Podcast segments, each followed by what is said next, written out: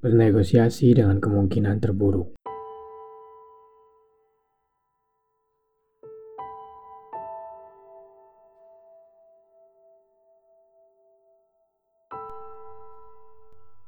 Saya akan bercerita tentang seorang manusia petarung yang kuat melawan siapa pun, melawan makhluk apa pun.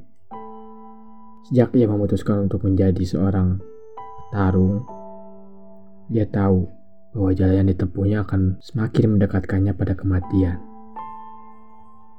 Tapi baginya, itu adalah hal yang menyenangkan. Baginya, tiap pertarungan, tiap perkelahian yang dia lalui adalah pengalaman yang menakjubkan untuknya. Setiap bertarung dengan orang baru, setiap bertarung dengan orang-orang yang lebih kuat darinya, ia belajar banyak ia belajar untuk lebih menjadi kuat lagi, ia belajar untuk lebih bisa mempertahankan diri, dan lain sebagainya. Sampai di titik di mana dia menjadi seorang petarung yang paling kuat di seluruh dunia. Tak ada satu manusia pun di dunia yang bisa mengalahkannya. Semua pertarungan sudah dilaluinya. Dan ternyata kematian yang selalu dibayangkannya, yang selalu ada di depan matanya, tidak juga menghampirinya. Hingga suatu hari, ada hal lain yang ternyata mampu membuatnya mati. Tapi tidak dengan bertarung. Tapi ternyata kematian menghampiri dari dalam tubuhnya sendiri. Ia tertawa. Ia tak pernah menyadari bahwa ternyata kematiannya justru akan hadir dengan cara ini akan muncul dari dalam tubuhnya sendiri, bukan karena orang lain, bukan karena dibunuh orang lain, bukan karena dari pertarungan-pertarungan yang ia lalui, tapi ternyata karena penyakit. Di satu titik akhirnya dokter kenalannya sudah tak sanggup lagi mengobati penyakit yang sudah menggerogoti tubuhnya. Bahkan si dokter sudah mendiagnosis bahwa si petarung yang paling kuat ini akan mati hanya dalam beberapa minggu saja, dalam beberapa hari saja, dalam beberapa bulan saja. Hingga di titik itu, si petarung ini akhirnya tahu bahwa kemungkinan terburuk mati yang selalu dibayangkannya sekarang sudah ada di depan matanya. Tapi mental petarungnya memang sudah melekat dalam dirinya. Ia tak takut, tapi ia hanya tahu bahwa Ya sudah, ternyata memang saya akan mati dan waktunya sudah tidak lama lagi. Maka akhirnya setelah perenungan lama, si petarung ini memutuskan untuk menyerahkan diri ke pihak yang berwajib. Ia menyadari bahwa semua pelakuan kelakuan-kelakuannya selama ini memang buruk, pertarungan-pertarungan yang dia lalui bersama petarung yang lain itu sudah mengakibatkan banyak hal buruk untuk orang-orang sekitar dan sebagainya. Namun begitu, yang terpintas di pikirannya ketika ia mendengar bahwa sebentar lagi ia akan mati, ia hanya ingin matinya menjadi arti. Matinya memiliki makna, memiliki arti untuk orang-orang yang akan ditinggalkannya. Sampai akhirnya ketika dia menyerahkan diri, hukumannya adalah dieksekusi mati di depan banyak orang. Dan ya, memang itu yang diharapkan sebetulnya. Hingga akhirnya ketika dia akan dieksekusi mati, dia meninggalkan satu pesan. Satu pesan yang ternyata ini adalah bagian yang direncanakannya. Agar matinya masih memiliki makna agar agar matinya masih menumbuhkan harapan-harapan baru. Agar matinya justru menumbuhkan kehidupan-kehidupan baru yang lebih bagus yang lebih baik menurutnya. Maka saat itu dia dia katakan saya adalah petarung yang paling hebat di dunia ini. Saya sudah mendapatkan banyak hal di dunia ini. Saya sudah mendapatkan semua yang kalian inginkan dan saya menimbun semua apa yang saya dapat itu di satu tempat.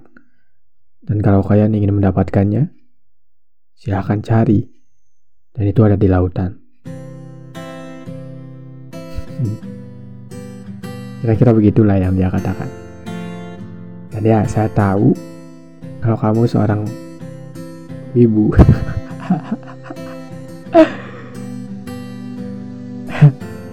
aja kalau kalau kamu seorang penonton One Piece, maka kamu tahu kalau orang yang saya kisahkan itu adalah seorang raja bajak laut namanya Goldie Roger.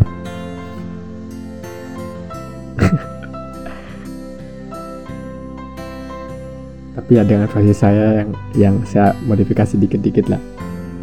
Kira-kira intinya begitu. Saya percaya bahwa dalam hidup ini ada banyak hal yang tak bisa ditampik keberadaannya. Seberapapun gak suka kita padanya. Kematian, penderitaan, dan hal-hal buruk adalah salah satunya. Selama kita hidup, ya kita kan pasti bakal mati. Selama masih merasakan bahagia, ya penderitaan juga pasti akan datang menghampiri. Selama masih mengalami hal-hal baik, akan datang juga suatu saat hal-hal yang buruk. Itu adalah hal yang tak bisa dihindari. Satu-satunya pilihan adalah diterima dan di manage kedatangannya biar nggak buruk-buruk amat dampaknya dalam hidup. Atau bahkan mungkin dalam kasusnya si Roger, saat kemungkinan buruk itu datang, saat kematian itu mau tak mau harus datang kepadanya meski badannya kuat, bertarung dengan siapa pun, ya minimal kematiannya bisa memberi arti buat yang lain minimal kematiannya bisa membuat zaman yang baru lah gitu.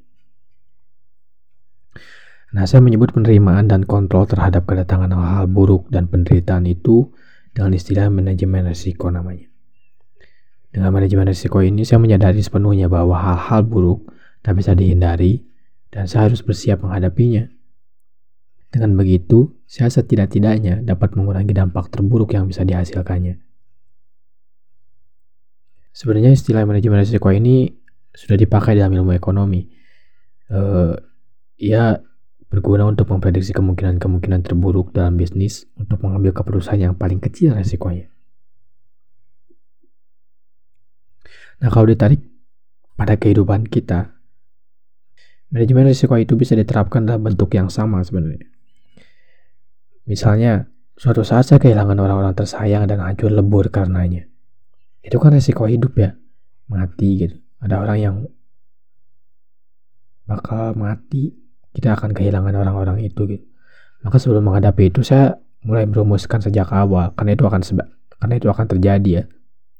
Saya akan kehilangan dan saya akan kehilangan orang-orang dan itu sesuatu yang pasti.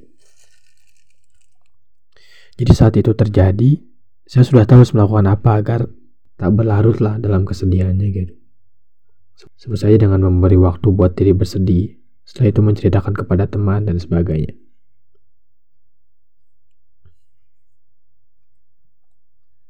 Termasuk saat suatu hari saya tiba stres misalkan, nyap, capek, jengkel, dan perasaan gak mengenakan lainnya. Sebab saya sudah paham bahwa itu risiko hidup dan mau tak mau saya pasti bakal menghadapinya. Dengan begitu saya mulai meneliti diri sendiri Benarkah gejalanya kalau perasaan gak mengenakan itu akan datang tuh pas sudah gimana gitu. Saya sendiri biasanya bakal merasakan perasaan semacam itu kalau udah lama terjebak dalam rutinitas. Sering sendiri dan gak punya teman ngobrol. Nah kalau sudah tahu begitu, rasanya kan saya jadinya paham untuk dalam sebulan minimal perlu pelancong sesekali untuk keluar dari rutinitas. Dalam sebulan juga saya perlu untuk ngopi bareng teman, untuk ngobrolin hal-hal remeh tentang hidup. Kalaupun nanti sudah kadung datang perasaan jelek itu, saya juga sudah siapkan harus apa. Beberapa orang mungkin akan menghentikan pekerjaannya, nggak apa-apa gaji dipotong, cari liburan, cari kegiatan baru, dan sebagainya. Lagi-lagi saya akhirnya menyadari bahwa amat penting untuk mengenali diri sendiri. Nah, sebenarnya kan kalau kita melihat si Roger tuh kayak gitu sebenarnya. Dia bernegosiasi, dia mencoba mengatur kemungkinan terburuk itu gitu. Mengatur kedatangannya agar minimal ya ada dampaknya tuh nggak terlalu nggak terlalu buruk banget itu mati itu udah dampak mati itu udah buruk dan dampaknya tuh jangan terlalu buruk juga gitu. Jangan sampai buruk banget.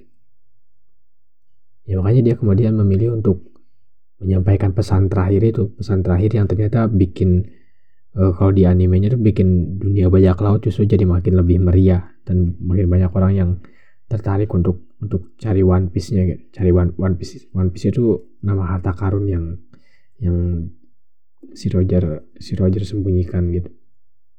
Nah sebenarnya uh, si Roger tuh udah melakukan itu. Dia ber, dia mencoba bernegosiasi dengan kemungkinan terburuk itu. Karena dia nggak bisa menghindari itu. Jadi kalau bisa sebenarnya kalau bisa sih ya dia pengen hidup dan dan ya ya hartanya tuh dia manfaatin sendiri lah gitu tapi karena dia punya batas waktu karena dia akhirnya harus mati maka mau nggak mau dia harus menurunkan harta itu ke orang lain dan orang lain yang dia maksud itu ya akhirnya harus diseleksi dengan dengan pernyataan dia sebelum mati itu. Akhirnya dia bernegosiasi dengan kemungkinan terburuk itu. Kayak gitu sih. Jadi memang penting, jadi menurut saya penting banget untuk kita mulai bernegosiasi dengan kemungkinan-kemungkinan terburuk yang bakal datang. Ya kita cari, kita cari celah lah, cari celah minimal seminimal minimalnya dampak itu nggak terlalu buruk untuk kita untuk juga orang-orang yang berada di, di sekeliling kita. Atau bahkan ketika kemungkinan itu kemungkinan terburuk itu datang kita bisa bisa lebih bersiap kita bisa lebih uh, kita bisa lebih siap untuk menghadapinya kayak gitu. Saya sih yakin dengan manajemen risiko ini dengan bernegosiasi dengan kemungkinan terburuk ini akan membuat pilihan yang baik ketika ada pilihan buruk. Walaupun kemudian kedua pilihannya sama-sama buruk, ia akan mencoba sebisa mungkin untuk mengurangi dampak kerusakannya. Dan kalau disuruh milih akan bisa menentukan yang paling sedikit buruknya. Gitulah.